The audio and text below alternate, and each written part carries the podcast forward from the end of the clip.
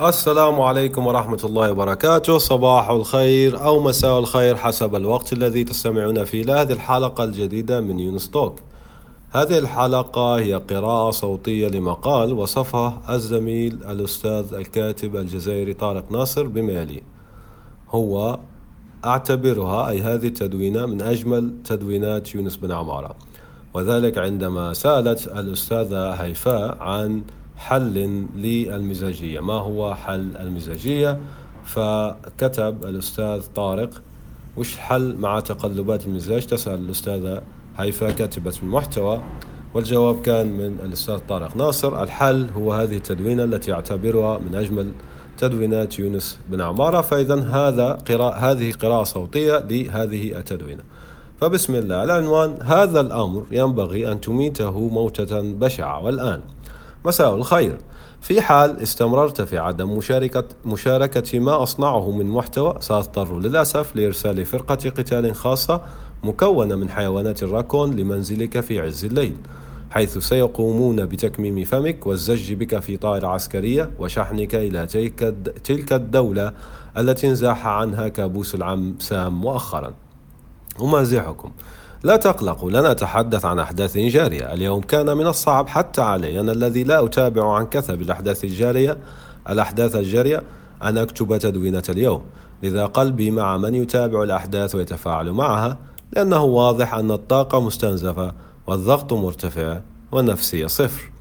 ما أقصده بالعنوان هو المزاج. المزاج أو المورال لدى الجزائريين أو المعنويات لدى البعض والتي يجب أن تفصلها عن عملك وتقتلها وتقتلها بعد ضربها ضربا مبرحا شخصيا لو كنت أنتج المحتوى التدوينات اليومية والنشر والبودكاست وحسابي على كورة وفق منسوب المعنويات بحيث لو كانت مرتفعة أنتج ولو كانت منخفضة لا أفعل لما رأيت 99% من المحتوى الذي أصنعه.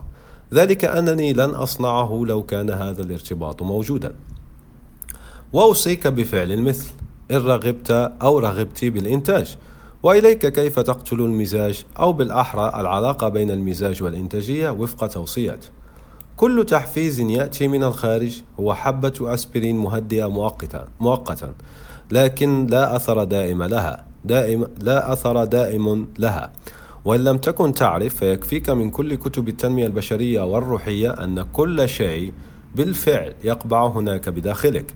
من التحفيز والغنى والاكتفاء والقيمة الذاتية. ملخص الأمر أنك قيم بذاتك شئت أم أبيت. رغبت في ذلك أم لم ترغب؟ الموضوع غير قابل للنقاش. سعيك وراء اعتراف خارجي هو سعي عبثي وباطل في غالب الحالات. غالب الحالات التي تنخفض فيها المعنويات سببها أن هناك عاملا خارجيا أدى لذلك. راقب العوامل الخارجية ثم اعلم يقينا. أن آراء الآخرين ليست حقائق ولن تكون وأن ما يحدث خارجك لا يتمحور في 99% من الحالات عنك حتى مع أنك قيم بذاتك وثمين. مع ذلك أنت لست محور الكون.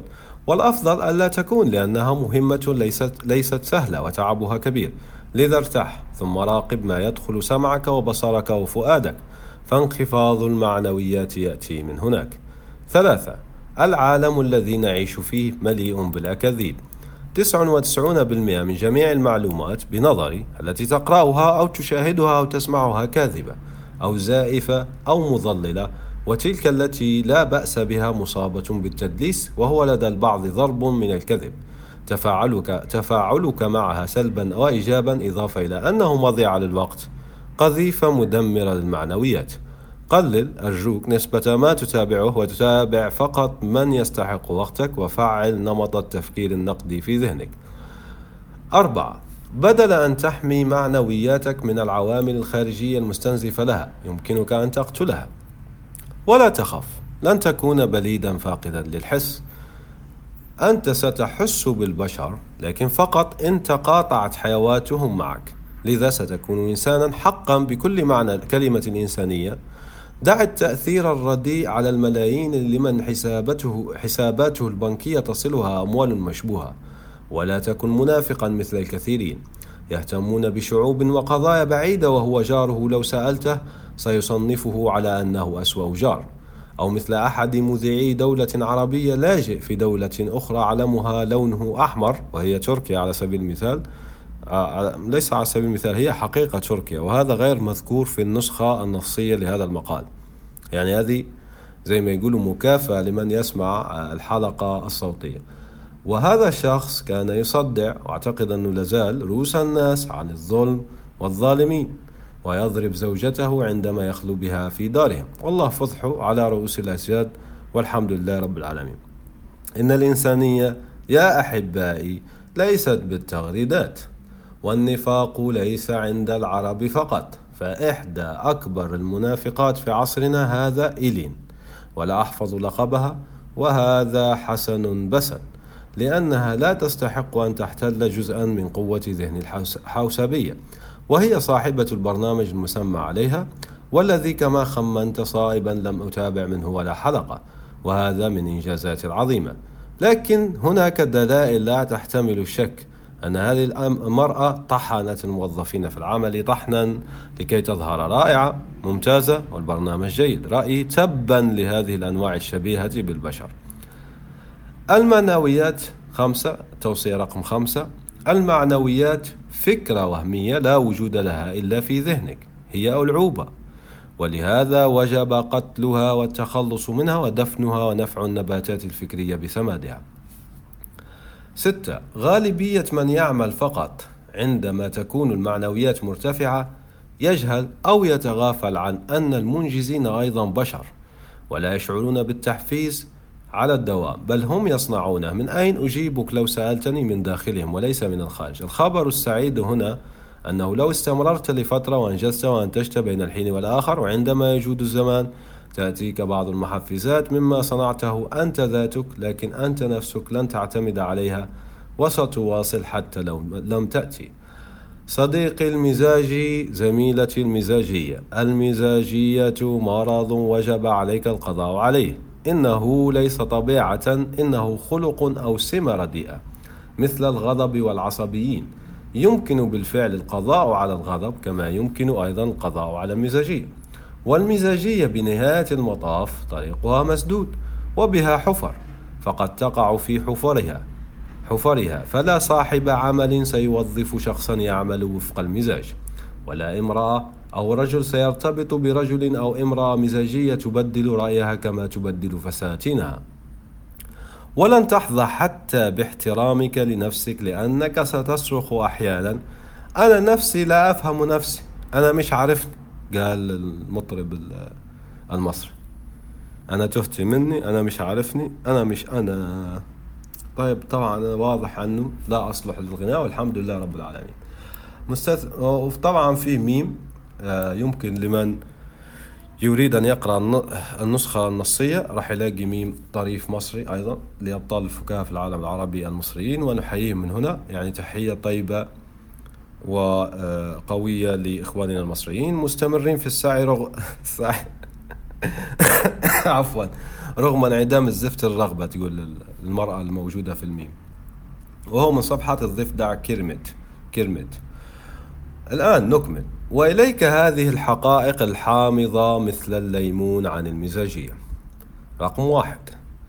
لا يوجد محفز خارجي ذو أثر دائم كما أنه ليست هناك مخدرات مخدرات أو مخدرات لا أثر إدماني لها ولا مسوق سيسوق لك خدماتك بالعمولة وأنت مرتاح ويأتيك بالعملاء وأنت من على أريكتك. ولا يوجد حل سحري ولا فأر يبيض ولا غراب يشيب. وبما أن المحفزات الخارجية مؤقتة ولا وجود لأنواع منها أثرها مستمر أرح نفسك وانتقل للمحفزات التي تنبع من الداخل. الكون غير مدين لك بشيء وإن تجاوزت الثامنية عشر ربيعا مع أنني لم أرى الربيع كفصل منذ فترة طويلة في هذا الاحتباس الحراري فأبواك أيضا غير غير مدينان لك بشيء حتى وإن عذباك في طفولتك وشريكك غالبا غير مدين لك بشيء. بالتالي لا تتدلل فعواقب هذا التصرف لن تعجبك. ثلاثة وهي الأخيرة التوصية الأخيرة أو النتيجة الحقيقة الأخيرة الحامضة مثل الليمون عن المزاجية النفسية وهي قهرمانة المعنويات.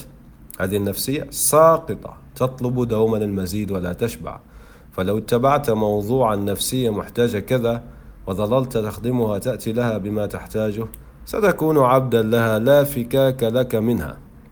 وهي لن تتوقف ولن ينفذ أبدا ولن ينفذ أبدا ما لديها من طلبات.